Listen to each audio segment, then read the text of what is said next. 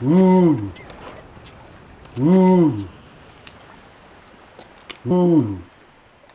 er lyden.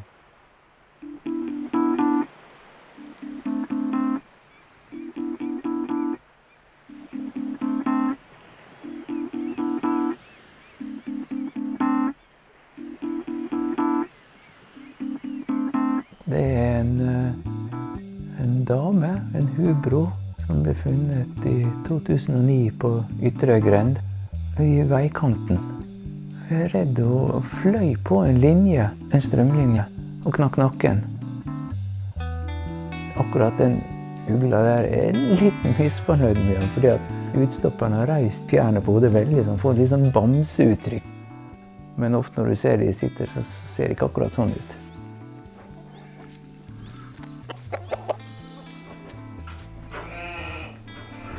Jo da, jeg heter Nils Bjørgo og bor i Sandvik i Solund. Dette var en gård fra ble nedlagt på 60-tallet, og så kjøpte mine foreldre gården i, på 80-tallet og bygde den opp igjen. Så kom jeg her for ti år siden. Og nå driver vi med villsau, par hester, ender, gjess. Gås, det er jo bare én. Og noen geiter, så vi har melk om sommeren. Og duer og høner.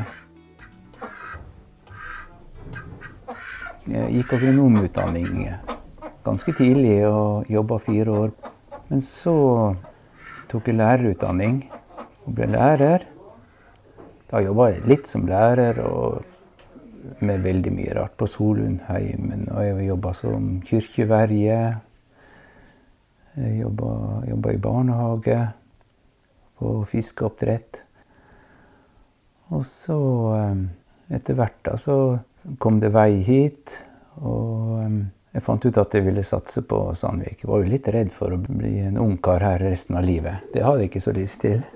Men um, det ordna seg nå. Det ordna seg. ja, jeg har jo vært interessert i dyr og fugl siden jeg var liten.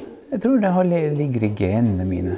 Og um, da Sogn ornitologisk forening ble starta tidlig på 70-tallet, og noen lærerskolestudenter, da tok fattern meg med. Og jeg var med på uh, ekskursjoner på Frønningen. Og vi var i Fjærland og mange turer. Og det var kjempespennende. Og siden har jeg vært interessert i fugl. Men så slutta jo den. Altså, er sårbart når det er noen få personer. Så når disse studentene var ferdige og reiste ut, så, så gikk det vel dårlig med foreningen òg i mange år. Men nå har vi en forening igjen, da. Vi starta i 2013. Og fremdeles har vi en fylkesforening. Nå er det jo Vestland, sant? så nå har vi jo kommet sammen med Bergen. Men um, vi har fått lov til å beholde Sogn og Fjordane fylkeslag fremdeles. Siden vi ikke har noe lokallag i Sogn og Fjordane, så fungerer det som litt begge deler. Det som er spesielt fascinerende med fugl, kanskje det at de kan fly. De er så flyktige, og de, å fly det har jo vært en drøm hos mennesker også, tror jeg, i alle år. Og det er fascinerende å se. Og så er fuglene litt utfordrende. Da, sant? Du ser en, og så skal du se hva er det for noe, men da er han vekke. Sant? Det er ikke som en blomst som står i ro hele tiden, og du har full kontroll. Vi legger jo observasjoner inn på arts, artsobservasjoner. Og da er det jo litt sånn status å ligge litt høyt oppe, sant? for der kan du se hvem som har sett eh, hva, og hvor mange har den sett, og hvor mange har den sett. og så kan du rangere observatørene. Og hvis du drar det per år, da, så, så starter du på scratch hvert år. Så gjelder det å holde seg høyt oppe så lenge som mulig. det, er litt, det er litt konkurranse, men vi er ikke kryssere. Sånn som en del som har bombevarsel på mobilen sin, som piper når det blir sett noe spennende rundt i landet.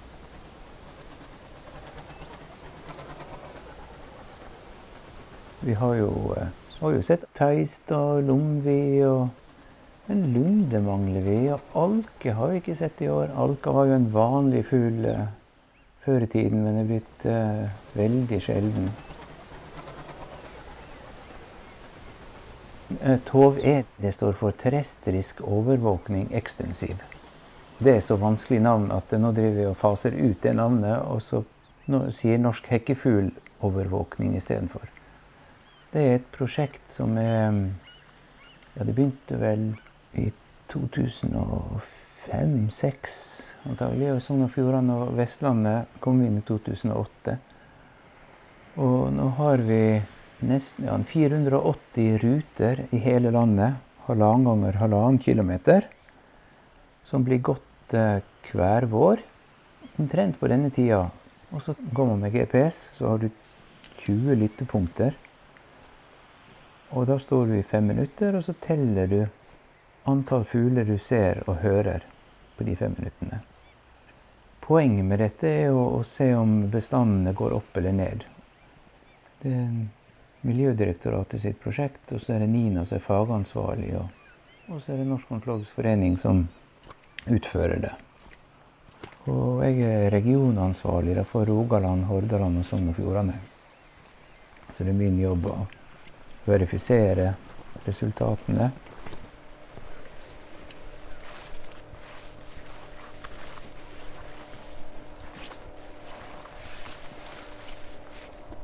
Vi har jo eh, ti ugleslag bare i Norge. Store og små. Vi har jo ugler som bor på fjellet. sant? Snøugle og jordugle. Og... Men så har du slagugle og lappugle og de typiske skogsartene. Spurvugle og pæreugle. Det som er spesielt med ugle, tenker jeg, det er vel det, det fjerne. Fjernet har en eh, hårbelagt, akkurat som fløyel, som gjør at de flyr helt lydløst. Når du hører en due eller en ravn passere, så hører du voldsom sus av vingene. En ugle kan passere rett bak hodet ditt, og du aner det ikke. så det er jo spesielt med de. Og så har de de asymmetriske ørene, så de klarer å, de, de klarer å lokalisere et byttedyr bare ved hjelp av hørselen. Akkurat hvor det er. Det er ikke sånn at ugler ikke ser på dagen, men de ser veldig godt i lite lys. da, Og da har de jo en fordel i forhold til de dyra de skal ta. Men mange, mange ugler jakter på om dagen. Og de fjerne som på en måte går ut ifra øynene, liksom, det er egentlig for å fange lyden. Hubroen den kan uh, veie 2,5 kilo, helt opp i 4 kilo kan en stor hubro veie. Det er den største ugla i Europa. Den er lysbrun med, med svarte spetter i brystet og veldig spraglete i brunt og grått og lyst og mørkt på ryggen. Og så har han de karakteristiske ørefjærene som ser nesten ut som horn. Og veldig utrolig intense appelsinoransje øyne. Vi har andre uglearter som er sjeldne, men hubroen er veldig trua, og han, han, har gått dramatisk ned i antall. Og nå er det vel langs kysten han, han klarer seg best, fra Rogaland og nordover til Nordland. Spesielt i Nordland. Lurøy kommune er jo veldig Der har de en del øyer med, med vond, hvor, har vært en sterk bestand med hubro. Han hekker jo på Østlandet òg. Og opprinnelig så, så, var det jo en bra bestand på Østlandet. Det var levd av skogsfugl og hare og Men um, det er vel mer og mer skogbruk og aktivitet. Og så ikke minst disse um, strømlinjene. Veldig mye hubro. De har så stort vingespenn at de, de sitter på traversene og jakter. Og så, idet de slår ut med vingene, så, så kortslutter de. Og, så, og det er veldig stort tap. Vi skjønner ikke helt hvorfor bestanden skal være så lav som den er. Ja, hvor stort er vingespennet, da? Kan det bli halvannen meter? Men den er ikke like stor som en ørn. Men den er jo ikke like tung som en ørn. Mm.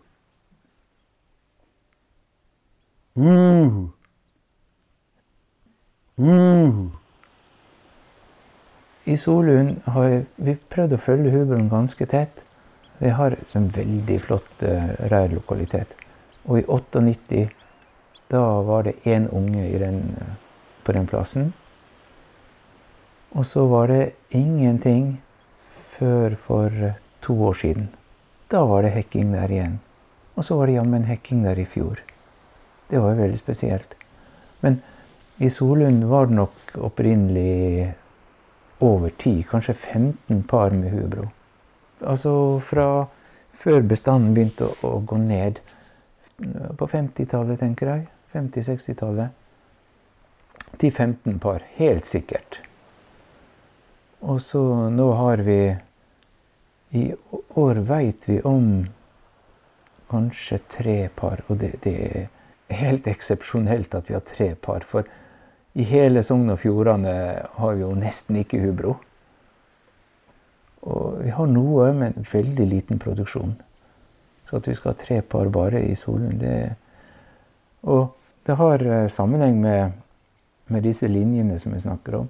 Men også med sjøfuglen. For at de hekka jo i eh, forbindelse med sjøfuglkoloniene. Og det var der de fant mat til ungene sine.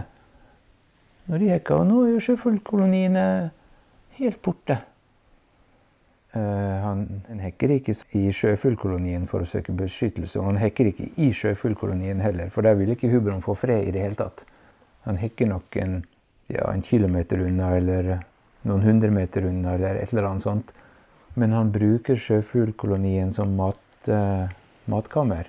Han henter uh, unger og egg og, og, og fugl til sine egne unger for å fø sine egne unger.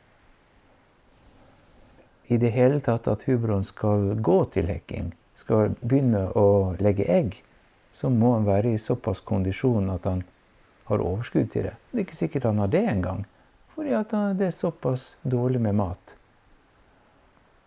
Uh, han spiser først og fremst andre fugler og, og dyr, men hubroen er en generalist. Han kan spise frosk og padder og mus og jordrotte, ja. Han sitter på en høyde og speider. Oi, der har vi en, sant? Og så kommer han på lydløse vinger. Og plutselig så er han der. Vonden må jo hele tiden passe på, men eh, det er vanskelig. Han har ikke 360 graders syn, antagelig. Han eh, færer langs bakken og kommer eh, brått på. Overraskende. Det er jo en fordel, da. Jeg har til og med funnet rester av strandkrabbe og kjeva av en uh, steinbit i gulpeboller etter hubro. Men, men det, nok, det, har jeg ikke funnet mye av. Så det, det er sånn engangstilfelle. Men det viser jo bare at han, han, tar det han finner. Og den steinbiten det er sikkert rester av uh, noe oteren har spist. Han kan nok ta mink. Og opp til hare. Hare store dyr kan han ta. Han kan absolutt ta høns. På Lågøy tok han gjessene til noen som bodde der.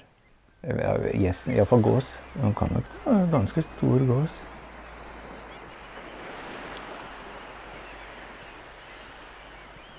De lager ikke reir.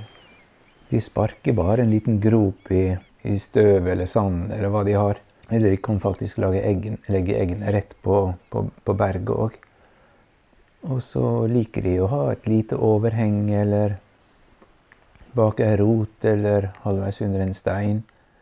Der var det rev. Der hekker de i, i bratte plasser hvor ikke reven kommer til. Og det, det liker de nok best.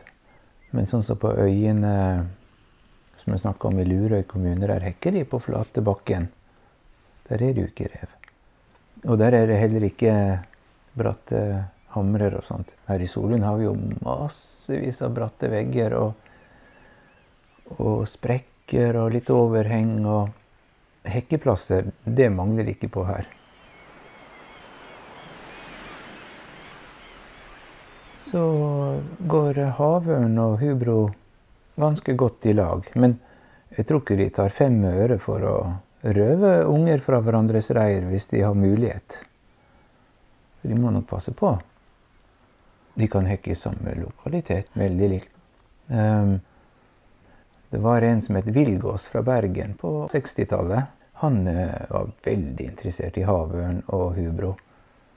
Og tøffa oppover i snekka si langs kysten og, og registrerte hvert år og tok bilder. Og det var òg veldig mye solhund.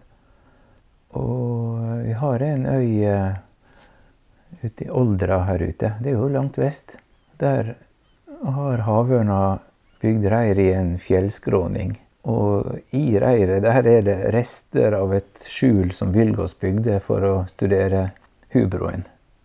Så de hekker i samme område, ja. Han var allerede da litt hemmelighetsfull.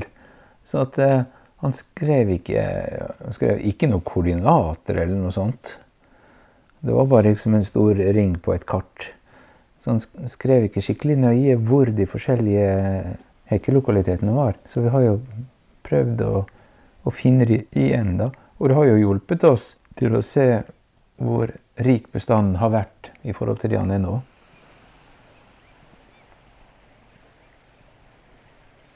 Er nesten jeg tør ikke si at bestanden har gått opp, for det har han jo ikke gjort eh, sånn på større basis. Men jo, én ting er det at vi har hatt musår de siste årene. I fjor da var jeg oppe i reirhylla og sanka gulpeboller etter at hekkingen var over. Og så kjenner vi en nederlandsk biolog som er veldig flink på smågnagere. Så han tok eh, alle gulpebollene med seg til Nederland. Og han klarte å finne 90 individer av eh, markmus i de gulpebollene.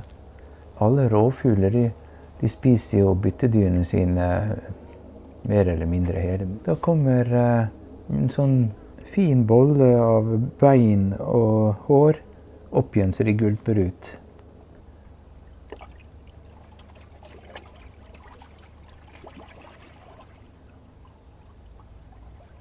I Solund vil en hubro sitte inni eh, under en eh, fjellknaus eller litt gjemt.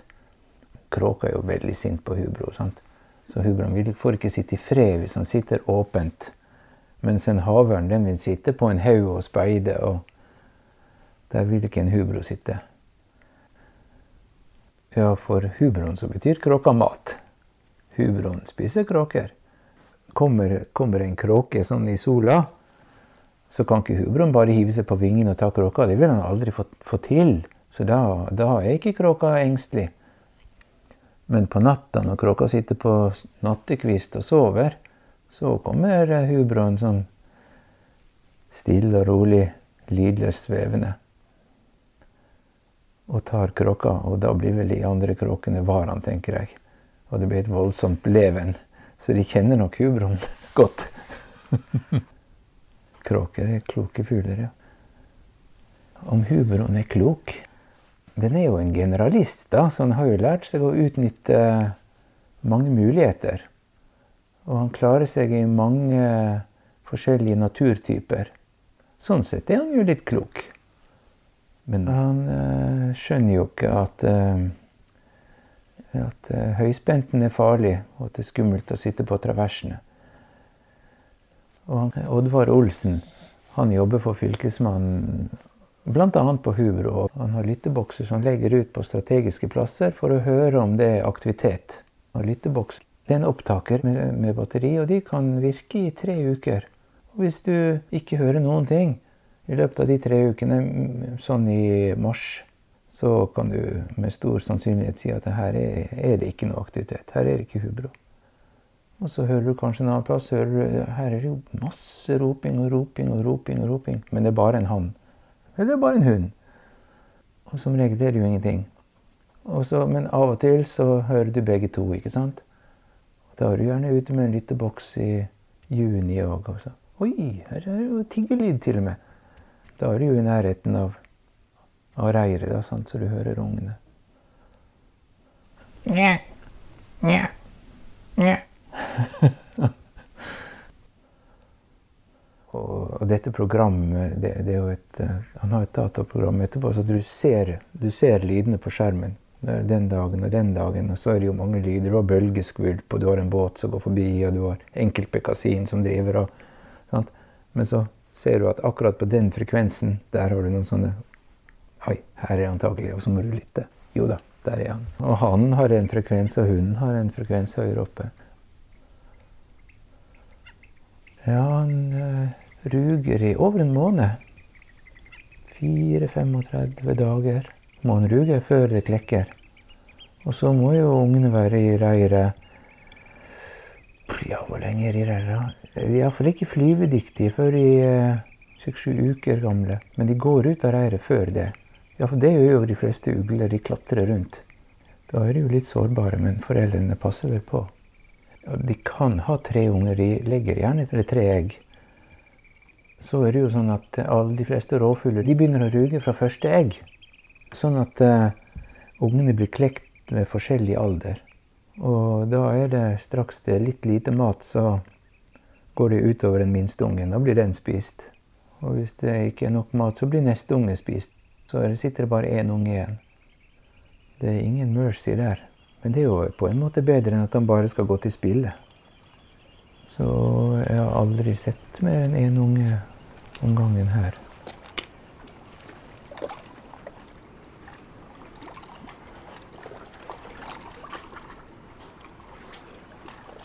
Det er veldig spennende i år. Eh, vi vet at det er aktivitet der. Men eh, vi går ikke inn eh, før i juli, tenker jeg. Da går vi inn med lytteboks for å høre etter tigging og høre om det fremdeles er aktivitet. De kan legge egg allerede i mars. Selv om ungene går fra reiret og selv etter at de er flyvedyktige, så holder de seg veldig nær området der. I samme område. Så vi mister de, mister de på en måte ikke, mister ikke muligheten. De er avhengige av foreldrene sine i nesten et halvt år før de blir helt selvstendige. Hubroen den har sitt territorium og, og, holder seg i området hele, hele vinteren. Ja. Og det tenker jeg at territoriene var nok mye mindre før, når det var rikeligere med mat og rikeligere med sjøfugl. Nå tenker jeg at territoriene er sikkert mye større. De trenger, trenger større områder for å finne nok føde.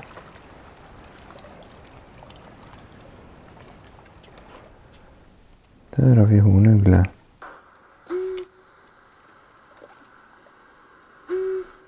Den går ikke ned. Den er mer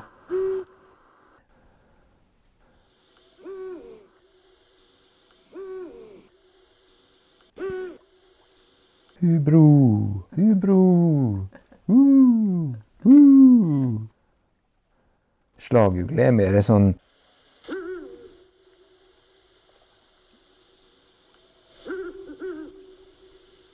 Men den var skummel, den òg.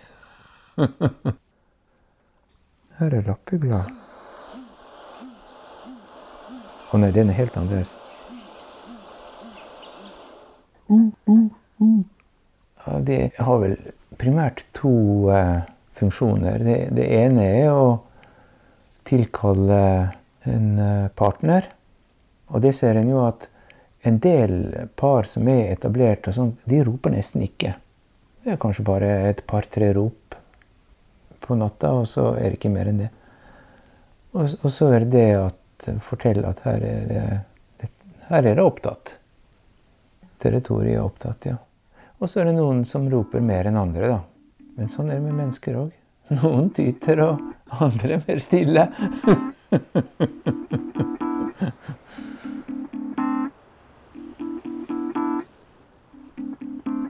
Jeg husker på 90-tallet, når vi kom her. Da var det mye tobis inne i fjordene og buktene. Og da kommer annen fisk sigende inn òg. Altså Fiskerne kalte ikke tobis for tobis, de kalte det for åt. Det må være åt for at det skal være fisk. Og det, det må være åt for sjøfuglen òg. Og så tror man på en måte at det, det ikke har noen innvirkning, men det har det. Og jeg er veldig redd nede i Sørishavet nå. Det er jo en av de plassene som har fått vært veldig fred og veldig rikt, ikke sant. Mye hval. Og, og, nå driver de og tråler krill. Og nå spiser vi sånne tabletter med krillolje rundt i hele verden. Sånn at man tenker at det er bærekraftig, men det er jeg slett ikke sikker på at det er bærekraftig. Sånn, det må være et stort overskudd for at andre dyr skal kunne leve. Både hval og pingviner og sel. Og man kan ikke tenke som så at det, biomassen er så stor, da kan vi ta ut så mye biomasse, og så er det så mye biomasse igjen, for det trenger omtrent så mye trenger de andre. Det kan jo hende de trenger et mye større overskudd For jo mindre det blir, jo mer energi bruker de jo på å ta, få tak i den maten som fins. Jeg er egentlig ute etter de lange trendene på bestanden, om de går oppover eller nedover. Og så det er jo kulturlandskapsartene og sjøfuglene. De sliter jo veldig voldsomt. Dramatisk. Så der, der er det jo sånn at eh, hvis det går sånn som det har gått nå, og så fort, så kan vi jo lure på om vi har vipe og krykkje og lomvi om 20-30 år. Og spesielt når en tenker på at sånn som vipa er en kolonihekker og avhengig av å være en del sammen. Og det er krykkja òg. De har større felles trygghet. Og når de blir få, sånt, så er de enda mer utrygge og enda mer sårbare. Så for de eh, ser det mørkt ut. Mens for andre arter Stæren det er en kulturart. Den sliter. Den sliter veldig. Den ble borte her for uh, ca. 15 år siden. Men i år er han kommet igjen. Nå har vi ett par i en kasse. Det var åh, kryss i taket. Det var bare fantastisk. Han satte på strengen og sunget. og Så flott.